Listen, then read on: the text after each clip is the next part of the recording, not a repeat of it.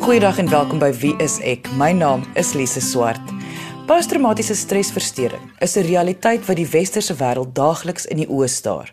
Ons lees al hoe meer daaroor. Die tema word meer gereeld aangevat in films en reekse en boeke, en tog kom dit voor dat mense nie regtig ooit daaroor praat nie. Of daar word daarna verwys as iets wat net met iemand anders kan gebeur.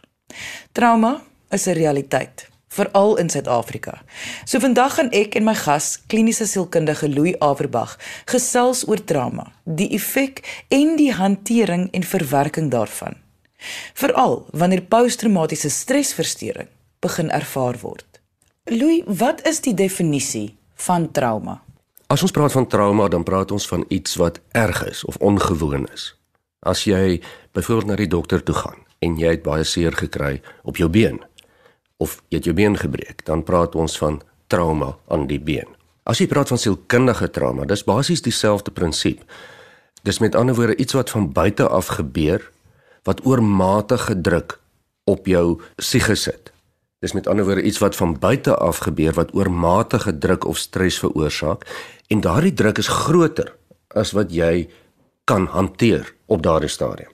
En dan praat ons van trauma en dit dit kom van buite af deur 'n ongewone gebeurtenis.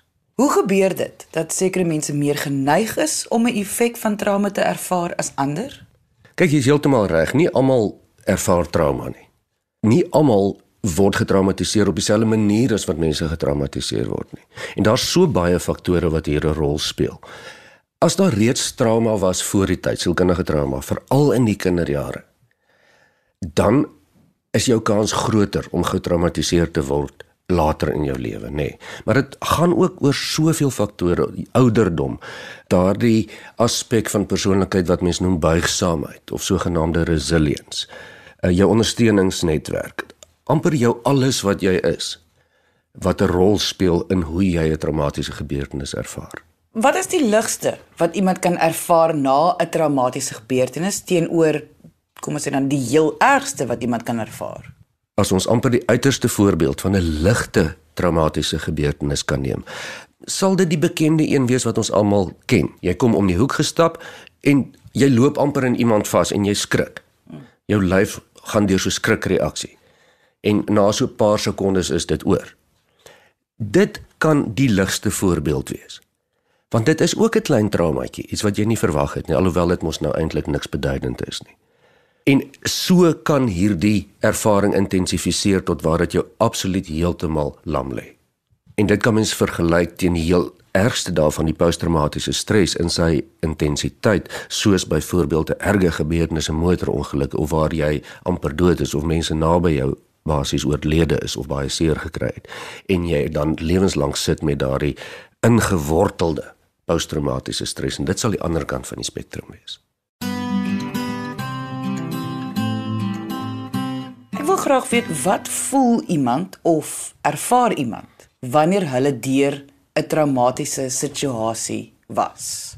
As ons nou vir algemeen is die eerste ervaring gewoonlik ene van gewone skok. Die intense gevoel wat jou liggaam het soos wanneer jy goed en oordentlik skrik gemaak is. Maar ook 'n dofheid. So amper half asof dit nie regtig waar is nie. Nou ek sê nie by alle mense is dit die geval nie, maar dit is meer algemeen dat mense dit ervaar. Daar gaan so dag of twee of drie verby waar dit dof is en mense liggaam in halwe skok is. Jy slaap nie lekker nie, jy's jou jou liggaam is rukkerig en angstig reg. En as hierdie dalk 'n baie ernstige situasie was en jy het posttraumatiese stres ontwikkel, dan is dit geen grap nie. Dan is jou liggaam konstant saamgetrek. Jy's heeltyd in afwagting. Jy slaap nie lekker nie, jy onttrek. En baie belangrik, wat gebeur is dat deur jou kop gaan gereeld, baie gereeld, die insident wat gebeur het wat jou gelei het tot op hierdie punt. Maar dit is nie asof jy dit onthou soos mense gewone geheue het nie, dit skiet in jou kop in.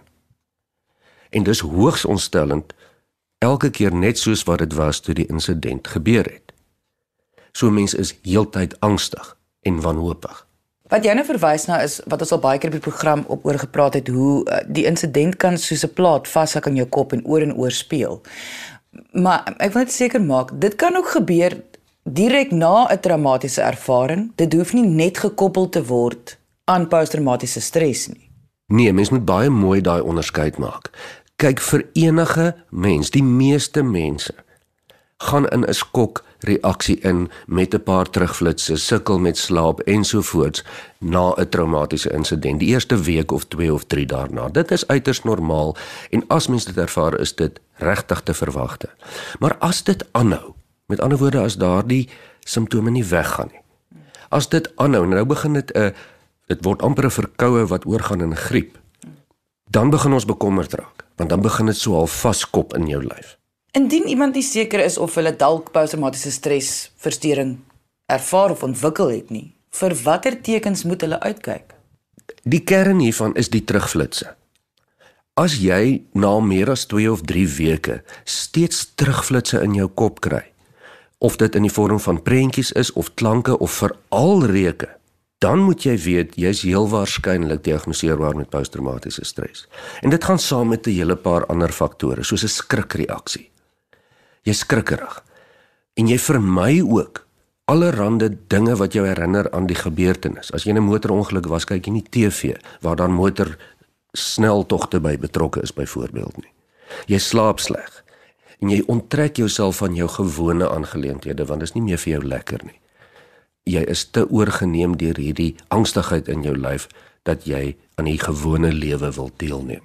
Want onthou, As jy sit met 'n toestand van posttraumatiese stres, sit jy eintlik met 'n angsversteuring. Met ander woorde, jy is angstig vir wat moontlik kan gebeur. En daar is simptome wat daarmee saamgaan. Terugflitsse die heel belangrikste. Vermyding van snellers wat te doen het met die insident wat gebeur het. Onttrekking van jou normale aangeleenthede. Die, lyf wat so konstant gespanne is. Die holkol op die maag en die sukkel om te slaap. En alles hieroor gaan oor daai vervlakste insident wat jou nie wil uitlos nie en in die vorm van sintuie in jou kop afspeel. Jy luister na Wie is ek op RCG 100 tot 104 FM. Net vir duidelikheid. Wat is die verskil tussen trauma ervaar en posttraumatiese stres ervaar? Almal ervaar trauma in die lewe van een of ander aard. Dit kan liggies wees of ernstig wees, maar niemand gaan deur die lewe sonder om sielkundige trauma te ervaar nie. Al is dit net as jy nie meer jou speen het as jy 'n kleuter nie en die ouers neem dit weg. Vir jou is dit 'n klein traumaatjie. As die aanslag van die trauma egter te veel is en jy kan dit nie meer hanteer nie. En hierby bedoel ek jou liggaam, jou stelsel kan dit nie meer hanteer nie dan praat ons van posttraumatiese stres en slegs as daar beslis iets gebeur het, iets spesifieks. Iets spesifiek moes gebeur het. En as die trauma wat hiervan kom nie vir jou hanteerbaar is nie, kan dit oorgaan in posttraumatiese stres. As jy nou so so klem lê op iets spesifieks, dit beteken met ander woorde jy kan nie posttraumatiese stres ontwikkel deur jou lewe nie. Wat jy sê is daar moet 'n spesifieke insident wees. Ja, 100%. Kyk daar is baie ander vorms van trauma wat mense ervaar. Mense ervaar byvoorbeeld depressie wat baie trauma veroorsaak weer eens. Maar as ons praat van posttraumatiese stres, dan praat ons van iets wat gebeur het, daar was 'n insident en toe daarna het jy sekere simptome ontwikkel. Goed, maar as die meeste mense die simptome gaan ervaar na 'n traumatiese ervaring, enige iets wat trauma veroorsaak het. Wanneer moet 'n persoon begin bewus raak dat dit nou te lank aangaan. Dis nou nie meer die normale reaksie nie. Nou is jy in 'n gevaarsone. Dit sal wees na so 3 tot 4 weke, selfs 2 en 'n half tot 3 weke. En ons praat hier van sogenaamd normaal en abnormaal. As jy binne daai tydperk, so kom ons sê min of meer 'n maand na insident, simptome het van spanning. Dit wat ons reeds vroeër nou opgenoem het, is dit eintlik baie normaal. As dit daarna nog aanhou, raak dit abnormaal. So jy kan dit letterlik koppel aan tyd en en vir veiligheid maak dit maar so 3 weke. As jy na 3 weke nog van hierdie simptome het, raak dan bekommerd. En ek neem aan veral as die simptome begin vererger. Veral as die simptome begin vererger en jy kan in hierdie 3 weke deur jouself dop hou baie mooi amper daagliks gaan monitor. Raak dit so bietjie beter oor die algemeen, so bietjie ligter en minder of raak dit erger? En as jy agterkom dit raak erger, kan jy selfs na 'n week of na 10 dae dan dadelik agterkom maar hier's 'n patroon, jy hoef nie nog 2 weke te wag nie. Soek dan maar eerder vinniger hulp. Indien jy meer wil weet oor Louis Averbag, kan jy gaan via wieisek se webtuiste by wieisek.co.za en meer gaan lees oor sy opleiding en ervaring as kliniese sielkundige. Louis, posttraumatiese stresversteuring se simptome klink vir my vreeslik vir iemand se gesondheid. Die effek wat hierdie angs en stres tog op 'n persoon se lyf sit, kan tog nie goed wees nie. Ek dink nie mense verstaan regtig die intensiteit van die impak nie. Ons moet in gedagte hou dat dit 'n nagevorsde feit is dat oor basies 10 jaar angs en depressie en dis baie verwant aan mekaar. Die grootste oorsaak gaan wees van nie natuurlike sterftes reg oor die wêreld. En nou praat ons nie van selfdood nie, ons praat van siek word. Angsversteurings maak mens siek. Dit beïnvloed jou immuniteitstelsel, jou glikose level ensovoorts ensovoorts. En onthou posttraumatiese stresversteuring is van die ergste vorms van angs. So in van sy erger formaat kan dit jou regtig doodmaak. Is dit waar dat mense tot jare later eers die effek van 'n traumatiese situasie kan eers begin ervaar? Dat dit nie noodwendig soos jy nou sê 3 na 4 weke later gaan inskop nie, maar eers sluimer tot lank na die gebeurtenis. Nie sommer nie. Dit kan gebeur veral as 'n traumatiese gebeurtenis so erg was dat jy dit letterlik weggedruk het tussen aanhalingstekens. Jy kan dit nie onthou nie.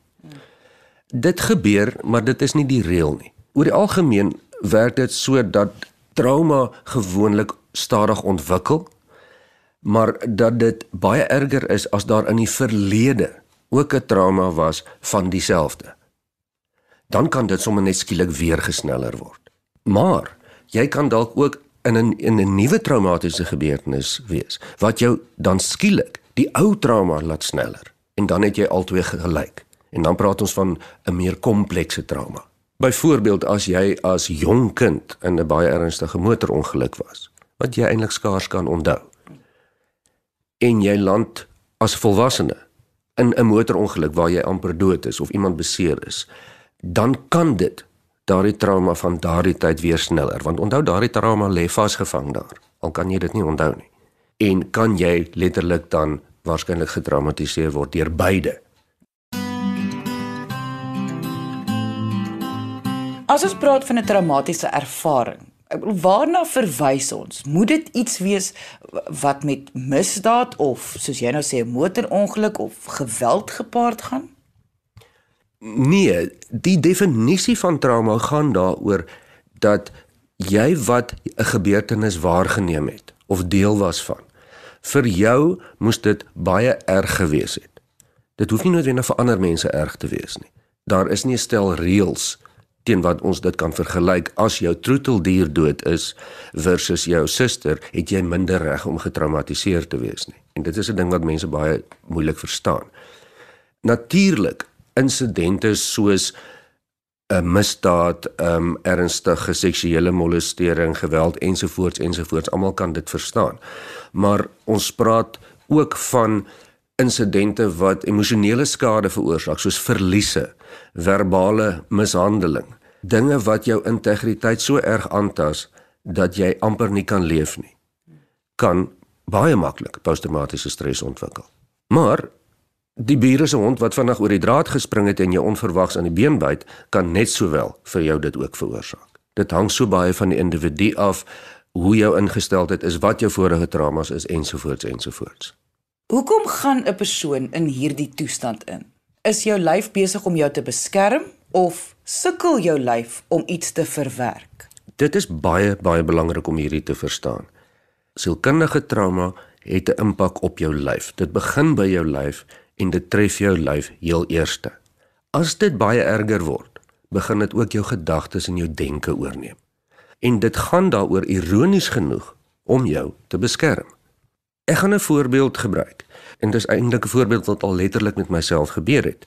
Baie van ons het eers geloop op 'n paadjie of in die veld en skielik seil daar 'n slang verby jou of kom daar iets oor die pad gehardloop. En voor jy jou kom kan keer, gaan jou liggaam in 'n skrikreaksie in, jou liggaam trek saam in eenvoudige taal gesê. Of jy nou bang is vir slange of nie. Die rede hoekom dit gebeur is deel van ons menslike evolusie. Dit is om jou te beskerm teen gevaar dat jy nie tyd het om te moet interpreteer is dit 'n slang is dit gevaarlik is dit dalk 'n onskaarlike insek of 'n roofdier nie. Jou liggaam reageer onmiddellik want dis wat ons geprogrammeer is om te doen. Maar met die slang wat verbyseil vir die meeste van ons na so 10 minute of 15 minute selfs vroeër dan kom jou lyf weer in bedaring. Want dit was nie so groot bedreiging op jou lewe nie. Jy het maar net geskrik. En jou lyf werk uit. Dis nie nodig om jou verder te beskerm nie. Hy hoef nie meer saamgetrek te wees nie want jy is nou weer veilig. Maar as ons met 'n abnormale trauma te doen het 'n erge insident en onthou ons as mense is nie gebou regtig om sulke dinge te kan hanteer nie ons is nie dan gaan ons lywe in 'n outomatiese oorneemfase in dis asof jou lyf sê ek gaan jou nou beskerm want jy kon dit duidelik nie self doen nie. So ek gaan jou voorberei hou. Laas toe jy lekker ontspan het, kyk wat het met jou gebeur toe jy weer sien toe lê jy op jou rug in die motor en daar was 'n ongeluk. So, nou gaan ek jou gespanne hou. Ek gaan nie hê dat jy slaap. Ek wil nie hê dat jy slaap nie.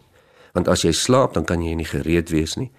Ek gaan vir jou terugflitsse gee om om jou oordentlik te herinner daaraan dat jy nie mag ontspan nie ek gaan vir jou sommer dit nog moeiliker maak en as jy iets op die TV sien of op die radio hoor wat jou daaraan herinner, dan gaan ek ook vir jou herinner hoe sleg dit is. En so neem jou lyf dan oor en veg jy dus teen jou lyf aanvanklik. Jou lyf verraai jou eintlik. En verraai jou in die ironiese poging om jou te beskerm. So as mense dit verstaan, dan ervaar hulle gewoonlik verligting dat hulle dit nie self veroorsaak het nie maar dat dit deel is van 'n normale fisiese proses om te beskerm. Wanneer mense wat met posttraumatiese stres gediagnoseer word, dan is hulle verskriklik skaam daaroor, want hulle voel hulle is nie kom ons dit in aanhalingstekens sterk genoeg om hierdie trauma te verwerk nie.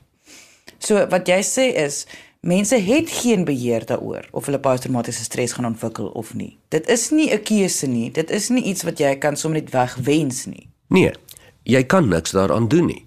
Dit is nie jou skuld nie. Die enigste ding wat jy daaraan kan doen is om konstant tussen vier mure toegesluit te bly. En dan sal daar dalk niks met jou gebeur nie en kan jy dalk nie posttraumatiese stres ontwikkel nie. En selfs dit is nie noodwendige gegewe nie. Nee, jy kan niks daaraan doen nie en dit is gewonelike verligting by ook praatjies wat ons doen. En gereeld sien ek dat die mans baie verlig is hieroor. Want hulle besef dan o genade, dis niks wat ek verkeerd gedoen het nie. Dis nie dat ek nie sterk genoeg is nie. Dis 'n verwagte toestand. En dit help baie hoor. Dit help baie om te verstaan dat daar nie iets fout is met jou nie. Iemand wat met 'n posttraumatiese stresversteuring gediagnoseer is, kan hulle weer 'n kom ons noem dit 'n normale lewe lei of gaan hulle vir ewig hierdie traumatiese gebeurtenis moet herleef? Verseker kan hulle weer 'n normale lewe lei en ek wil amper sê in meeste gevalle kan mens hierdie simptome onder beheer kry en die, en die ek wil amper sê die toestand heeltemal laat weggaan. Daar is mense wat hulle hele lewe daarmee sukkel, maar dit is die uitsondering en dis die minderheid. Daar is baie tegnieke, daar's baie metodes, daar's baie medikasie wat hiervoor help uh, nee, mens hoef verseker nie met hierdie simptome permanent te sit nie. Maar kyk hoe langer jy gaan wag om dit aan te spreek, hoe erger raak dit en hoe moeiliker is dit om dit éventueel aan te spreek. Want dit raak so half deel van jou. Jy luister na Wie is ek op RCG 100 tot 104 FM. Jy het vroeër in die program die simptome opgenoem. Indien iemand hulle herken en hulle was nou onlangs deur 'n traumatiese situasie, wat is jou advies dan nou? Gegeewe dat ons baie mooi mos nou vasgestel het dat dit nie jou skuld is nie, dit is nie jy wat swak is nie. Dis asof jy griep gekry het. En wat doen jy as jy 'n griep het? Jy gaan eenvoudig dokter toe. want jy is nie lus om later miskien met 'n longontsteking te sit nie. Dit niks met jou swakheid of sterkte te doen nie. So die oomblik as jy daardie simptome by jouself identifiseer, gaan ten minste na jou algemene praktisyn of na die kliniek toe, want onthou, jou liggaam is teen jou op hierdie oomblik. Jy moet jou liggaam onder beheer kry en die vinnigste manier is met gewone eenvoudige medikasie. As jy kan, definitief maak afspraak met 'n psigiater en sommer met 'n sielkundige ook of andersom. So wees liewers uh, wees liewers veilig as wat jy later spyt is. Want as ek dit reg verstaan, kan die simptome ook vererger as iemand nie aandag daaraan gee nie. Verseker, hierdie is 'n sneeubal. En as jy na die 3 weke tot 'n maand tydperk nog steeds hierdie simptome ervaar en veral as dit meer intens word, dan is jy nou besig om teen 'n afgrond stadig maar seker momentum te begin opbou. Dan kan mens amper vir jou verseker dit gaan stadig maar seker erger word. En hoe kan 'n persoon 'n geliefde naby aan hulle wat hulle sien het dalk hierdie simptome? Hoe kan iemand hulle ondersteun of aanmoedig om te gaan vir hulp? Ja, die regtig te hamer op op op twee aspekte. Een is Luister man, hierdie is 'n bekende toestand. Dis posttraumatiese stres. Dis 'n bekende ding, is nie net jy nie. En tweedens, omdat ons weet wat dit is, weet ons dat jy ook nie sommer self iets daarin gedoen sal kan kry nie. So, jy het griep ou vriend of ou suster of ou broer, jy moet by die dokter uitkom en ek vat jou sommer vanmiddag. Want dit is tog waar dat posttraumatiese stres nie net die individu affekteer nie, maar ook die mense om hulle. Dit dit het net so groot effek op hulle ook. Ja, Dit is baie waar en nou praat jy van iets wat ons noem sekondêre posttraumatiese stres wat baie keer kan ontwikkel. Natuurlik word mense se geliefdes beïnvloed deur wat met jou gebeur. Al is dit net dat hulle bekommerd is oor jou of uh, omgee vir jou of hartseer is saam met jou. Maar hulle kan ook daardie simptome begin ontwikkel. En ek wil die voorbeeld gee van misdaad in ons land. Die van ons wat nog nie onder misdaad deurgeloop het nie is definitief in afwagting daarvoor. En het al deur ander mense se vertellings of wat jy lees in die media heel waarskynlik tot op daardie punt gekom dat mens meer angstig is as wat jy sou gewees het. En dan kan daardie fliek in jou kop inspel, jy weet as daar regtig iets baie ernstig met iemand gebeur en jy gaan verbeel jouself in hoe dit vir die mens moet gewees het want dit doen jy as jy empatie met iemand het dan speel daardie fliek in jou kop af. En as dit in jou kop afspeel, word dit realiteit. En as dit realiteit word, dan begin jou liggaam daarop reageer. So ja, eintlik voel ek dat ons in Suid-Afrika basies almal met 'n kollektiewe posttraumatiese stresversteuring te doen het. Louis, wat is jou laaste gedagtes voor ons die episode vandag afeindig? In Suid-Afrika is sielkundige trauma aan die orde van die dag. Ons kan dit amper nie ontsnap nie. Ek wil amper sê dis onmoontlik om dit te ontsnap. Dit is soos om in die Amazone te woon. Jou kans op koors en malaria is baie hoër. En as jy dit weet, dan moet jy voorbereid wees. Jy moenie verbaas wees met ander woorde as jy 'n bietjie koors of malaria kry nie. Wees eerder gereed. Herken die simptome, weet wat dit is. Sodat as iets met jou gebeur of jy simptome kry van posttraumatiese stres, dat jy dan weet wat om te doen. Jy kan nie self iets doen nie, kry hulp. Veral met hierdie toestand is dit presies wat jy moet doen.